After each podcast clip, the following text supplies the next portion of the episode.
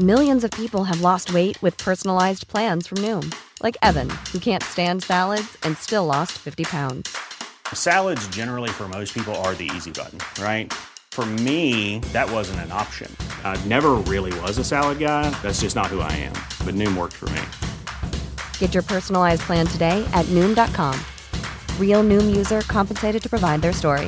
In four weeks, the typical Noom user can expect to lose one to two pounds per week. Individual results may vary. Hey, Dave. Yeah, Randy. Since we founded Bombus, we've always said our socks, underwear, and t shirts are super soft. Any new ideas? Maybe sublimely soft. Or disgustingly cozy? Wait, what? I got it. Bombus. Absurdly comfortable essentials for yourself And for those facing homelessness. because one purchased equals one donated. Wow, did we just write an ad? Yes. Bombas. Big comfort for everyone. Go to bombas.com slash ACAST and use code ACAST for 20% off your first purchase.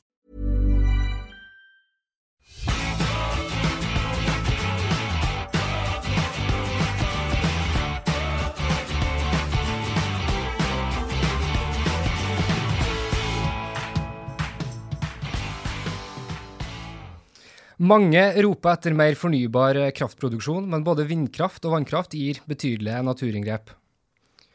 Hva med bølgekraft, som har blitt snakka om i flere tiår, eller kanskje solceller til sjøs, hva er potensialet der?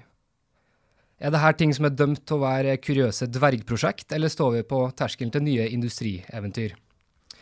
Velkommen, Geir Arne Solheim. Tusen takk. Velkommen også til deg, Jan Erik Vågeklepp. Takk for det. Du er fra Insynergy, du er fra Havkraft AS.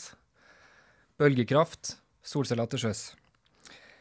Eh, Geir Arne, var det dere som hadde her bølgekrafttestanlegget uh, ute med Tueneset her i Ålesund? Eh, Ja, det Ja. stemmer. Vi hadde et spennende testprosjekt der vi eh, leverte strøm til land inn til uh, Atlanterhavsparken. Så vi jobber da med Marina Solutions og uh, Ulstein Betong og hadde et spennende, vellykka testprosjekt der.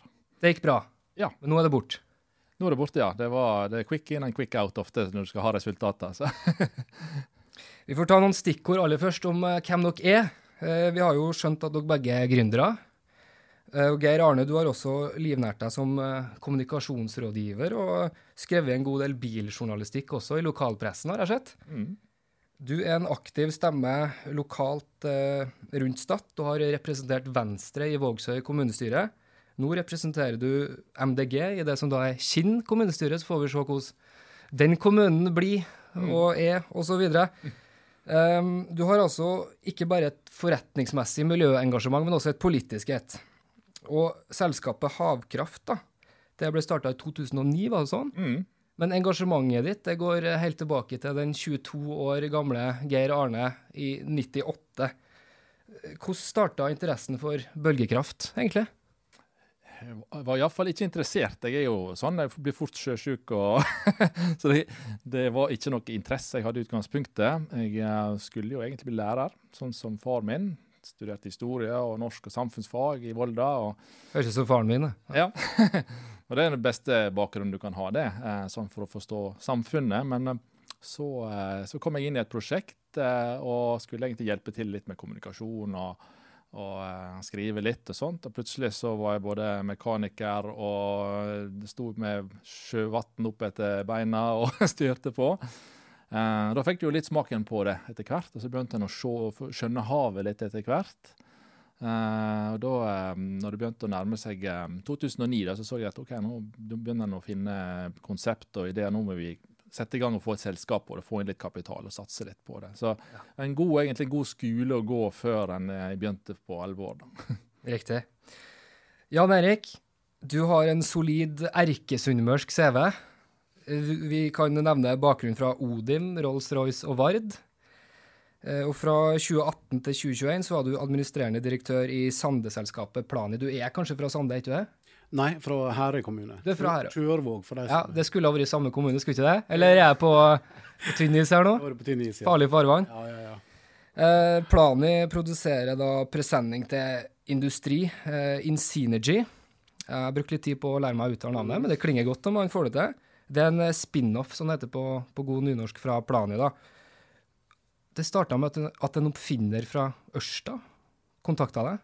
Det stemmer. Um, Vi kom i kontakt med han Bjørn Helseth fra Ørsta, som eh, da hadde erfaring med solceller på land eh, gjennom mange år.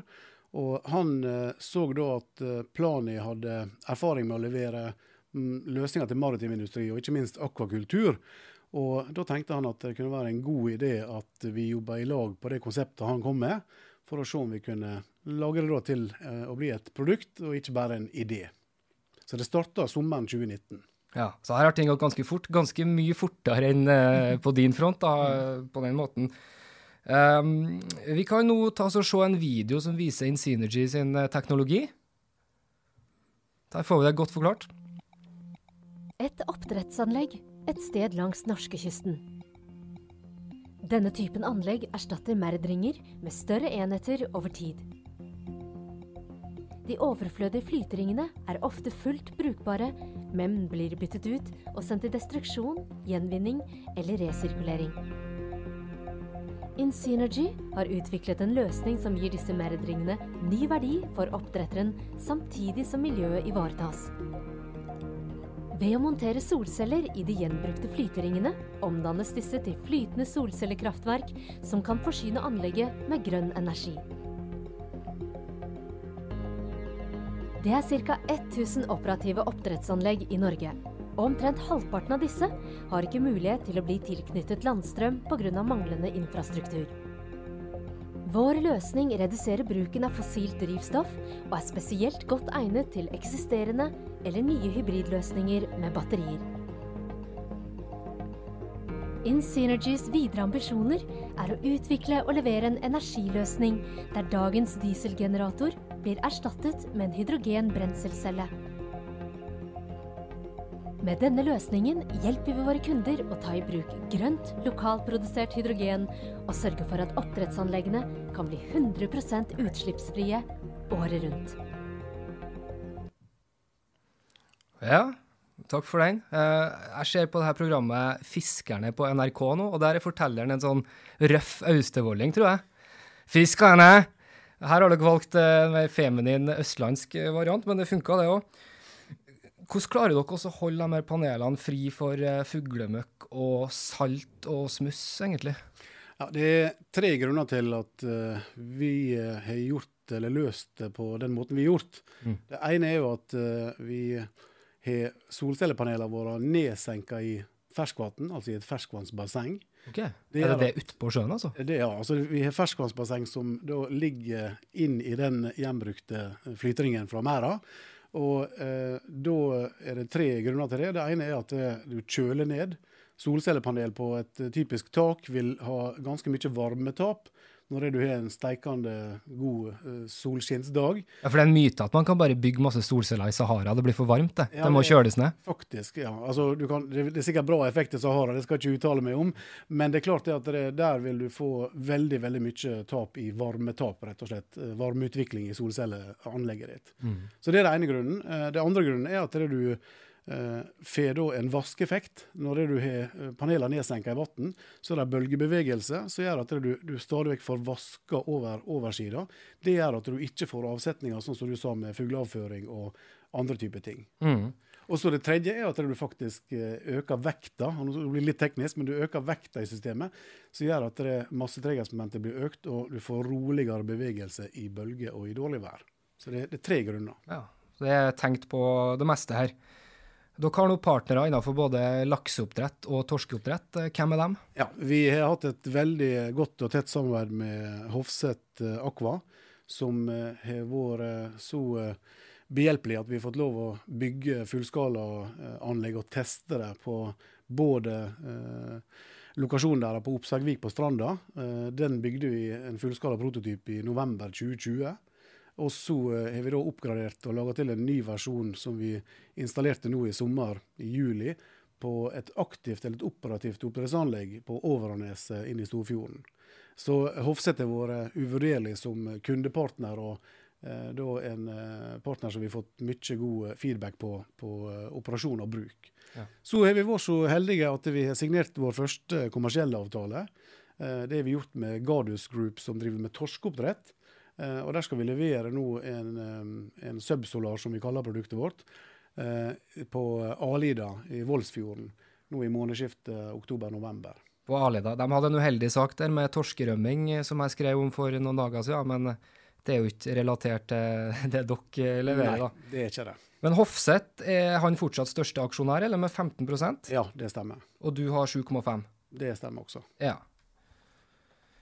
Geir Arne, dere henvender dere jo også til oppdrettsnæringa nå. Mm. Dere skal ha deres første kommersielle produkt til Svanøy havbruk, ikke sant, ved Florø. Ja. Jeg bare, tenker, jeg bare tenker du skal selvfølgelig få fortelle om det, men vi må bare ta en elefant eh, som er i rommet med en gang. For regjeringa vil jo innføre grunnrenteskatt overfor da de eh, store aktørene i konvensjonelt lakseoppdrett. Hva synes dere om forslaget? Vi kan jo begynne med deg. Jeg har sympati for tanken om grunnrenteskatt.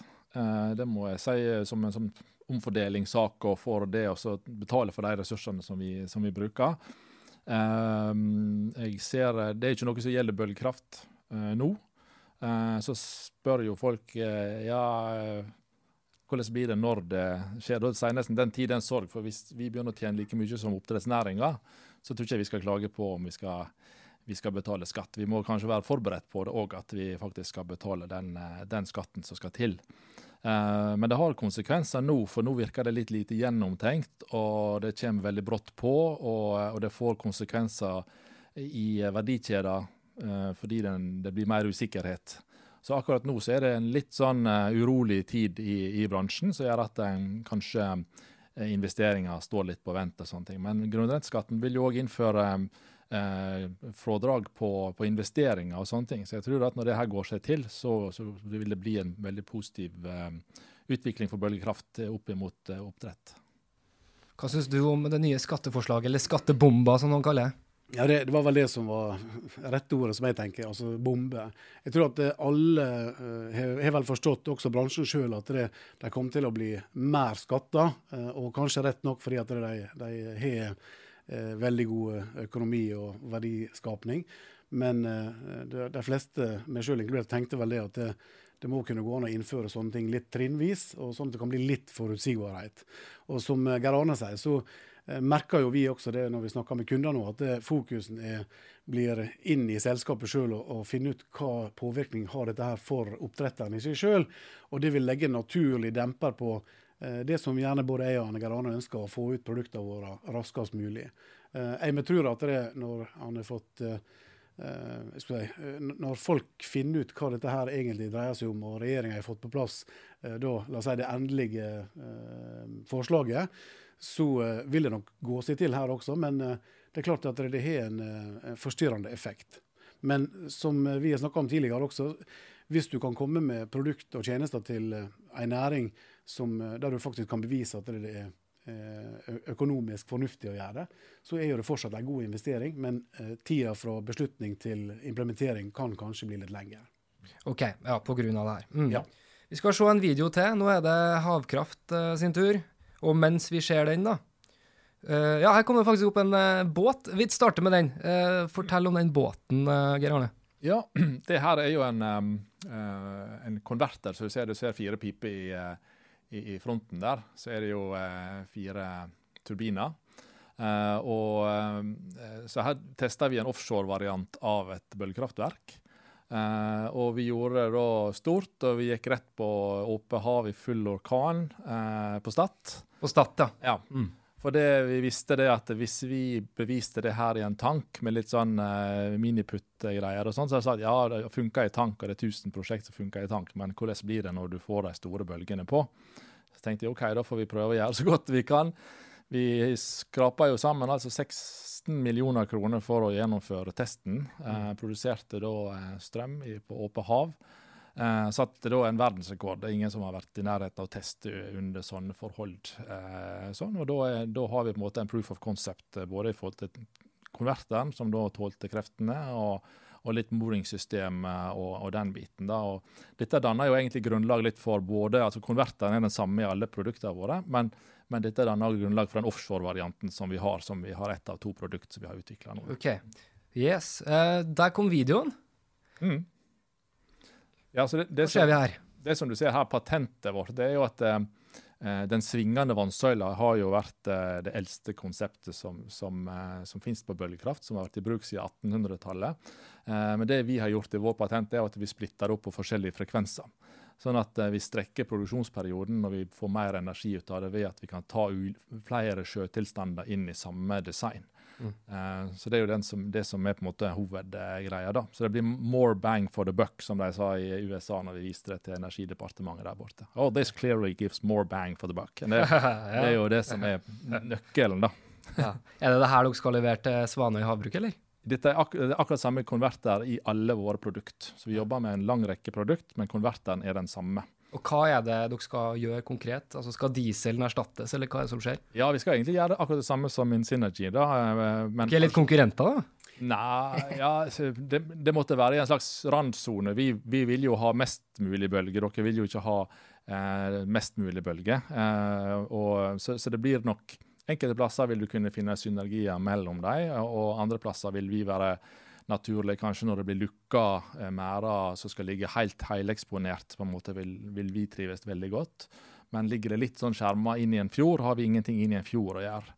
Så, så Svanøy ligger sånn semi, eh, semi, Der kanskje begge to kunne ha gitt dem et, eh, et godt uh, produkt. Såkalt komplementerende, som det heter på fint språk? Ja, for det går litt på når på døgnet og på når eh, de forskjellige produserer òg. De utligner Eller ut, uh, ja, utjamner hverandre. Ja. ja. rett og slett. ja.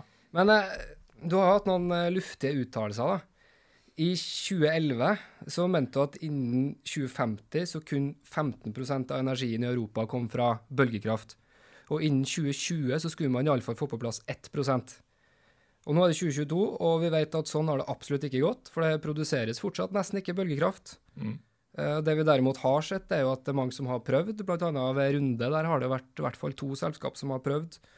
Eh, men det ender jo opp med at eh, havet ødelegger installasjonene på et eller annet vis.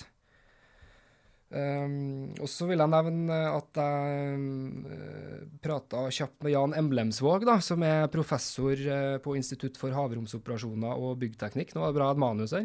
Mm. På NTNU i Ålesund. Uh, for han deltok her uh, sist. Da var det atomkraftdebatt. Han er jo en ivrig tilhenger av det. Mm. Den kan man se hvis man er interessert i energi og miljø. Uh, men han er jo interessert i energi generelt, og så spurte jeg ham ja, hva tenker du om de to jeg skal ha med i studio nå. Og han mener klart at alternativet til Insynergy er mer realistisk da, enn alternativet deres. Pga. historikken som har vært, og fordi at uh, han tror det er lettere å få lønnsomhet i det. Spesielt hvis man tenker at noe skal inn på nettet, så, så må jo strømmen helst være, være, billig og ikke for dyr. da. Mm. Og Det tror jeg er lettere å få til med, med andre løsninger enn bølgekraft. Eh, mm. Hvordan, hvordan, forholder du deg til, til skeptikerne som du uh, unektelig da møter på, og som har møtt, du har møtt på nå i lang, lang tid, mange mm. år? Det første du lærer i kraftbransjen, det er at det er ingen kraft uten motstand.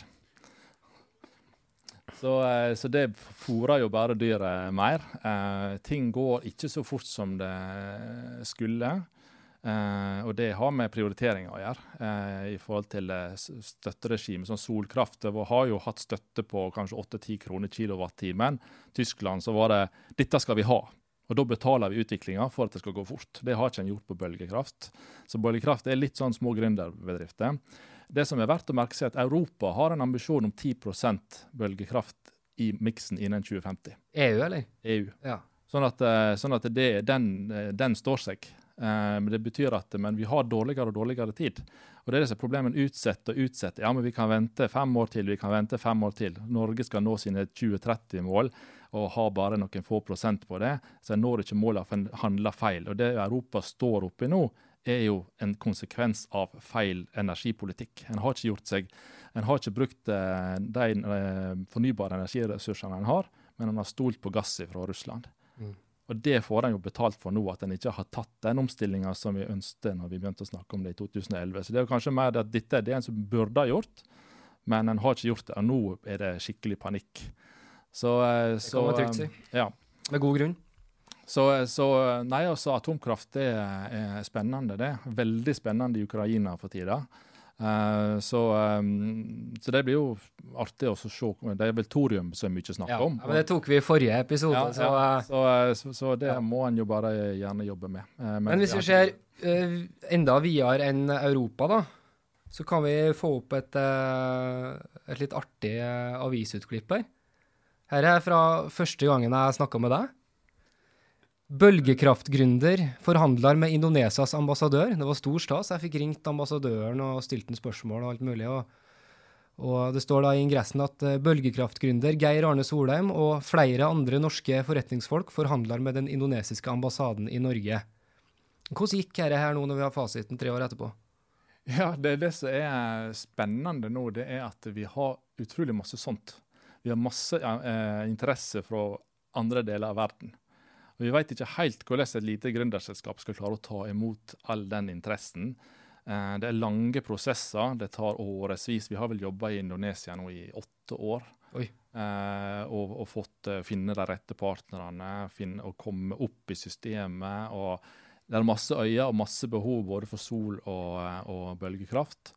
Eh, og, og da er det den der tålmodigheten at du må la prosesser gå. Du må, du må eh, få deg de connections du har, og så må du bli et kjent navn. 'Å ja, deg har vi hørt før. Jeg møtte deg på en konferanse. Ja, takk for sist.' Og sånne ting. Og da, når du får sjansen til på en måte å inngå intensjonsavtaler og letter of intents og, og, og sånt, så, så bygger du opp et nettverk som du vil få betalt for seinere. Men på samme måte som vi har brukt lang tid på å bygge opp teknologien, så har vi liksom jobba trutt med å, å få nettverk rundt omkring i verden. Så dette blir noe som vi kan levere på seinere. Men det er ikke levert en kilowatt i Indonesia ennå.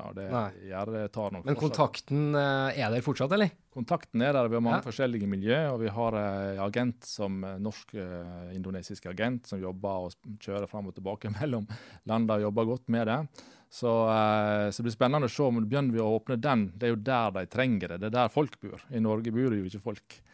Men sant, der er jo eh, 260, nei, 160 millioner eller sånn mennesker i Indonesia. og eh, ja, så Det det er store, store land, stort energibehov, mange øyer og høy energikost. og Alt er til rette for oss å kunne gjøre en forskjell eh, der. da. Så, Ja. og så er det at det alt, er ikke alt du vil ha på trykk heller. Du jobber sånn og sånn, men så av og til så havner du i eh, avisa fordi at eh, Og så blir det slått opp at nå har en gjennombrudd. Og så, ja, vi har jo ikke gjennombrudd, vi har kanskje kommet sånn. Men, så Men det var god PR. Ja. Det var du som sendte meg bildet. ja, ja, ja. Det var, det var god, eh, veldig god PR. Og, og eh, så, så det eh, jeg synes, jeg, Så skjønner jeg jo- Åpenhet er viktig, tenker Ja, jeg. Ja. så skjønner jeg jo nå, når jeg ser på hva som er skrevet om bølgekraft opp igjennom, at vi, vi må kanskje være litt forsiktige med den der jubeljournalistikken, da, for det her, det her tar tid, har det vist seg. Det, var vel, det var vel det som de sa om Haaland nå, at eh, de har brukt opp superlativer. Ja, ja, ja. Det merker jeg jo som journalist i forhold til Opera Nordfjord, når, vi, når, vi, når jeg skrev om det. Så først, første året når Du var lokaljournalist og skrev om ny opera. Ja, ja. Og så det var liksom, og så første året da vi følte at det var fantastisk, så brukte vi ordet fantastisk. Og så året etterpå så ble det faktisk fantastisk. Ja, Og hva skulle vi da si? så, så det er skummelt, dette der. Superduper fantastisk. Ja. Ja. Eh, men for å ta dette litt ned igjen, da. eh, som jeg starta med innledningsvis, så er det jo sånn at eh, all energiproduksjon har liksom en konsekvens. Det er lett å glemme oppi debatten. Vannkraft det kan påvirke villaks negativt. Vindturbiner tar fugler, og vi kjenner jo motstanden mot den. Det var jo voldsom motstand på Haramsøya f.eks., og sikkert i deres områder, hvor det har vært mye utbygging. Atomkraft genererer farlig avfall. Olje og gass det bidrar til klimaendringer og innebærer fare for lekkasjer. Hva med, hva med bølgekraft da, og solenergi til sjøs? Altså, er det her, er her medaljer uten noe bakside, eller? Hvis jeg kan begynne, Geir så er det klart eh, Solceller er jo også basert på silisium veldig ofte. Det er jo et, eh, si et grunnstoff som er eh, også altså, bra forekomst av det, men du bruker jo opp en ressurs der også. Nå har rett nok uh, gjenvinning av solceller også blitt uh, mulig å få til, sånn at det har fått en mye mer sirkulærøkonomisk tankegang der også. Uh, det blir for øvrig forska på og utvikler nå nye typer solceller, eh, tynnfilm f.eks., som eh, baserer seg på eh, perovskitt. Nå skal ikke vi gå for mye i det, men det er kanskje det mest naturlige forekomsten av på hele jordkloden. Så da er ikke det et sånt sjeldent metall lenger. eller sånn. Sånn at det, hele bransjen er nok på vei til å bli bedre på gjenbruk og resirkulering der også. Men det er klart, alt vi gjør, har jo et fotavtrykk. Det, det vi ser på, er jo når vi da kombinerer å bruke opp igjen eh, plastflyteringer fra oppdrettsnæringa, så er du med å egentlig forlenge levetida på eh, innsatsfaktorer som allerede har blitt produsert. Mm. Sånn at du tar noe som egentlig er en kost for kunden, og så gjør i en ny applikasjon som eh, gjør om til en verdi for kunden. Og som egentlig da vil bare bli destruert, som det ja. med de miljøkonsekvensene det, blir det Ja, og det er, det er, ressurskrevende både å bli kvitt det for oppdretteren, og faktisk for de som skal ta imot det og kutte opp, smelter om igjen og bruke det i eh, andre typer produkt. Så vi prøver hele tida å ha en grønn tråd, som vi liker å kalle det. Ikke en rød tråd lenger, men en grønn tråd mm. i det vi gjør, med å minimere vårt eget eh, fotavtrykk også. Og Vi vet jo alle at ESG-rapportering er noe som eh, alle de i alle fall børsnoterte selskaper må drive noe med. Eh, det blir nok veldig fort også eh, si, kanalisert videre ned til oss som leverandører. Sånn at vi også er nødt til å vise at vi har et lavest mulig miljøavtrykk. Sånn at totalregnestykket for sluttkunden blir på et fornuftig nivå. Da. Hva med bølgekraft, da? Er det noe baksida med det? Ja, altså all, alle produkter vil jeg si har en bakside. Så jeg, vi maner holdt på å si til det beste vi kan gjøre, er å spare energi. Det er det første vi må altså effektivisere og spare energi. Det er det jo mange som ikke nevner i det hele tatt. Ja. At vi rett og slett må effektivisere eller spare. Ja, så gjør det først. Uh, for det, det, koster ikke noe, naturen noe. Så er det jo det hva, kan, eh, hva er konsekvensen av å bruke bølgekraft framfor andre løsninger, som vi må se på. Arealeffektiviteten på de rette lokalitetene er jo en, en, en vinnersak for bølgekraft. For det er jo sola som har laga vinden, som har laga bølger. bølge, og bølge er egentlig et batteri. Altså Bølgene er et batteri av sol- og vindkraft. Uh, og Det gjør at det blir veldig arealeffektivt, og, og um, det blir et flytende objekt i sjøen som ikke det er påvist noen uh, negative konsekvenser av på de undersøkelsene som har vært gjort på bølgekraft generelt. Uh, når det gjelder materialer, så kan vi bygge det i forskjellige materialer. Kompositt eller stål eller aluminium eller eller andre. Eh, så der vil jo òg kunne være litt kundeavhengige, eller litt avhengig av hva slags produkt det er, og hva slags plassering det skal være. og sånt. Kan man ha det hvor som helst, eller finnes det noen områder der det ikke bør være? Du kan, eh, du kan, ha det hvor som helst, men det bør jo være der det er et godt snitt med bølger. Ja. Eh, selvfølgelig. Så det, det, er jo det som, som er avgjørende. Men, men for naturen så, så, er det litt hipp som app hvor det ligger? Ja, men vi, vi ønsker en, en, god strategi for konsesjonsbehandling i Norge. Altså det å få konfliktfrie områder. Mm. Det er ikke nødvendig å legge det der det er korallrev, og der det er turisme eller der det er fiskeri. og sånt. Finne de lokalitetene som er konfliktfri, og ha en plan på det. Det har Vi hadde møte med, med næringsministeren nå for eh, tre uker siden, og, ja. og fronta sånne saker som det at eh, la oss få det til å bli noe positivt, noe som folk eh, heier på. Det opplevde vi veldig når vi var, liksom, møtte sunnmøringene og så på Tueneset. Mm. Så var jeg ofte der som litt sånn turist, og så stoppa folk og dette var spennende, hva er dette for noe? Og så fortalte de om det. at dette heier vi jammen på. Mm. Dette var spennende. Er det så lite som skal til for å få så masse kraft? Og, og det var litt sånn en sånn god opplevelse. Men det var bare en, en miniatyr? altså Det skal være større enn det, eller? Ja, eller ja, det kan være mindre òg, for denne var ganske mindre. stor. for ja. denne, var jo, altså, denne var jo 50 meter stor uh, ullsteinflåte, og den vi skal levere på Svanøy, er ikke mer enn 20 meter. Så den vil jo framstå mindre ja. enn det som var på Tueneset. da. Uh, men det kan jo bygges parker, ikke sant? og et av våre kjepphester er å samlokalisere i forhold til offshore vind. Altså plassere offshoreklassen vår innimellom på samme konsesjonsområde, så får du mer energi og lavere kost. Så er det oppdrettsnæringa dere har henvendt dere til aller først, da? Ja. ja. Jeg, jeg, lurer på en ting, eh, noe helt annet egentlig. Jan Erik. Eh, ja. Styreleder i Insynergy, det er jo Nortel-gründer Christian Pritchard. Um, Christian Pritchard, sier kanskje. Dere leier også kontorlokaler av Nortel i Ålesund sentrum her, og han er vel en av eierne òg? Ikke det? Insynergy? Det stemmer. Hva er bakgrunnen for samarbeidet med han? Nei, Det strekker seg tilbake i tid. Uh Eh, egentlig til vi var ganske eh, Vi er ferske fortsatt, men vi var helt nyoppstarta, så eh, tenkte vi det kunne være veldig lurt å få med en som har vært med på flere gründerreiser, der at han har vært med og bygd opp et selskap fra starten av. For det er jo noe han oppdager fort når han skal begynne å etablere et selskap, så er det veldig mye å tenke på. Og da kan det være lurt å alliere seg med flinke folk rundt seg. Det gjelder både i styret, og det gjelder i ledelsen ellers, og det gjelder selvfølgelig i sfærer rundt selskapet. Så det var uh, litt tilfeldig, men uh, ja. Uh, det var bakgrunnen som, som gründer i et vekstselskap som gjorde at han ble veldig interessant. Okay, vi sitter for øvrig ikke lenger i det bygget. Nå er vi nede på, ned på Keiser Wilhelms gate 34. Ned på ja vel. Rett borti her. Rett borti her. Akkurat. Ja, stemmer det. Jeg møtte jo på deg på vei hjem fra jobb, så det er jo der dere er nå. Ja, det Og vi er jo Nortel som, eh, som firmaabonnement, så vi har en connection der. Ja, dere har en connection her òg. Ja, ikke sant? Jeg skulle til å ta opp at dere har, jo, dere har jo mange ting til felles, da. Ehm, det ene er jo at begge bedriftene har mottatt millionbeløp i støtte fra Innovasjon Norge. Eh, akkurat eksakte tall og sånn kan jo folk gå inn og sjekke sjøl, eh, hvis man vil det. For det kan man se tilbake til 2016 iallfall. Eh, det andre er at dere bruker Folkeinvest for å få inn nye investorer. Mm. Og Der kan både småsparere og proffer hive seg på på eget ansvar.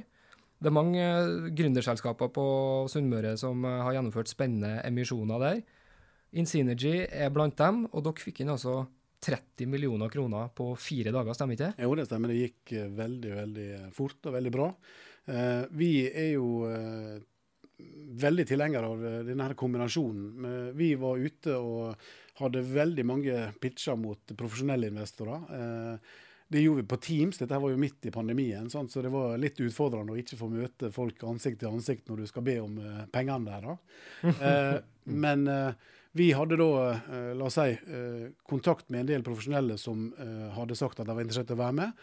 Og så så vi at det, tida vi brukte på det, var Det gikk for lang tid, rett og slett, å få, få inn det, det, beløpet vi gjerne ville ha. Ja. Derfor så kontakta vi eh, da eh, Folkeinvest. Og da hadde vi snakka med da, eh, Wavefoil, som hadde gjennomført det før oss, sånn vi fikk litt uh, informasjon med deg. Ja, Det er da et selskap som lager sånne vinger ikke det, til skip, på en måte, for å gi bedre stabilitet? Ja. ja. Uh, roligere bevegelser i sjøen. Mm, Spare fuel på den viset. Spare drivstoff. Det er ja. jo bra for miljøet. Definitivt. Og da tenkte vi at det, det er jo mye likt vår idé. Altså Vi med sparer jo samfunnet for utslipp av diesel. Eh, sånn at det, vi uh, fikk diskutert med dem og hørt hva slags erfaringer de gjorde seg, og kom til at dette kunne være en fin måte å egentlig få eh, også enda flere ambassadører. For det, det, er jo det du får når du får eh, aksjonærer. Vi har jo en aksjonærbase nå på 590 totalt. Eh, og det er jo det som mange store aktører på børsen har. Mm. Sånn at det, du får veldig mange som da snakker, og forhåpentligvis framsnakker det du holder på med, både av produkt og tjenester. Og nå skal dere i gang. Nå ja. er det like før at det skjer. Hva er målet deres? Ja, vi har, eh, vi har um, gjennomført en intern fase nå, og i 12. Uh, oktober så da er det jo off kampanje offentlige kampanjen. Uh, så vi skal hente 10-15 uh, nå.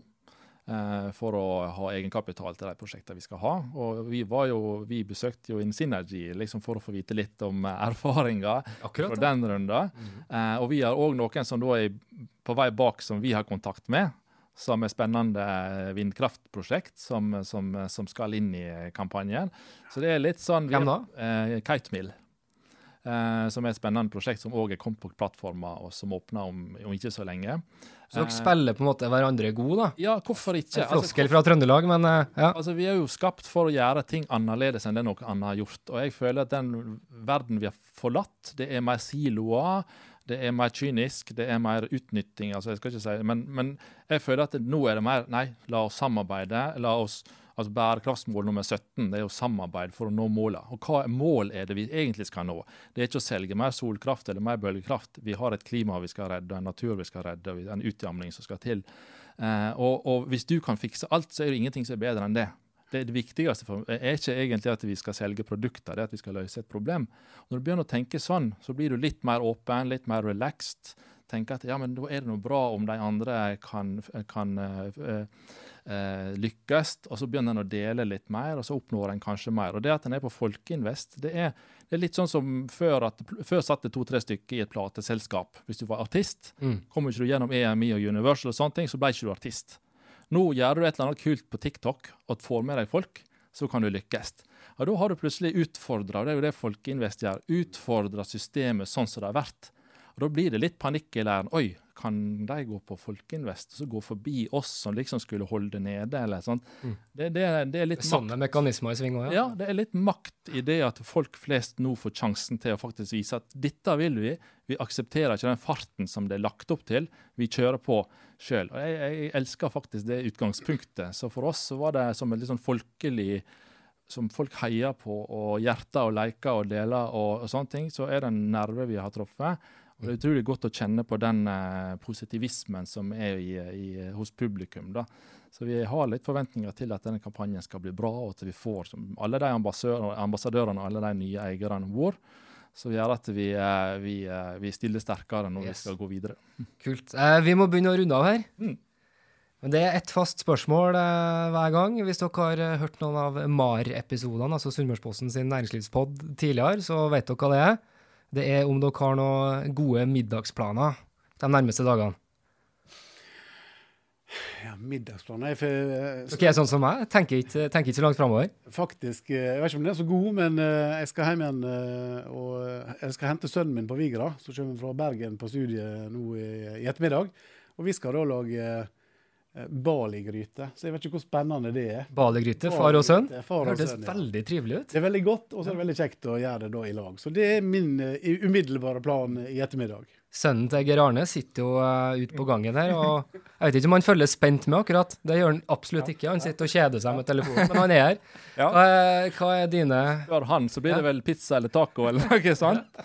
Eh, jeg er litt sånn nå er det er høst, og, og jeg liker godt å lage mat sjøl, og sånne ting, men det beste er ofte å så eh, spørre svigermor om ja, Nå fikk jeg, for, fikk jeg gjennom fårikål nå for noen uker siden. Så tenkte jeg mm. men raspeball har ikke vi sjekka av enda, på en måte. Så jeg tenker kanskje jeg liksom spørre om ikke ja, Nå er det liksom skikkelig høst, kanskje du skal få noen raspeballer uh, snart. da. Det, så det kan være en fin sånn torsdagsmat. Eller, ja.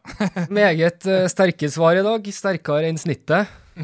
Tusen takk, eh, Geir Arne Solheim fra Havkraft og Jan Erik Vågeklepp fra Insynergy. Og takk til deg som så eller lytta på. MAR kommer tilbake med nye episoder.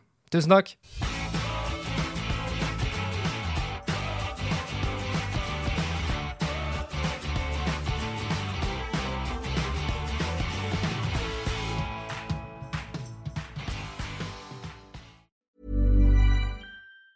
Hi, I'm Daniel, founder of Pretty Litter. Did you know cats tend to hide symptoms of sickness and pain? I learned this the hard way after losing my cat, Gingy. So I created Pretty Litter, a health monitoring litter that helps detect early signs of illness by changing colors, saving you money and potentially your cat's life. Pretty Litter is veterinarian developed, and it's the easiest way to keep tabs on your fur baby's health right at home. Go to prettylitter.com and use code ACAST for 20% off your first order and a free cat toy. Terms and conditions apply. See site for details. Hey, it's Paige DeSorbo from Giggly Squad. High quality fashion without the price tag? Say hello to Quince.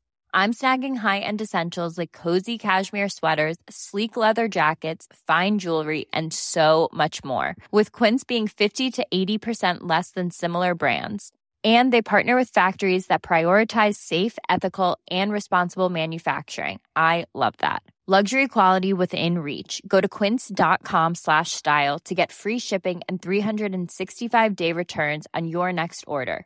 quince.com slash style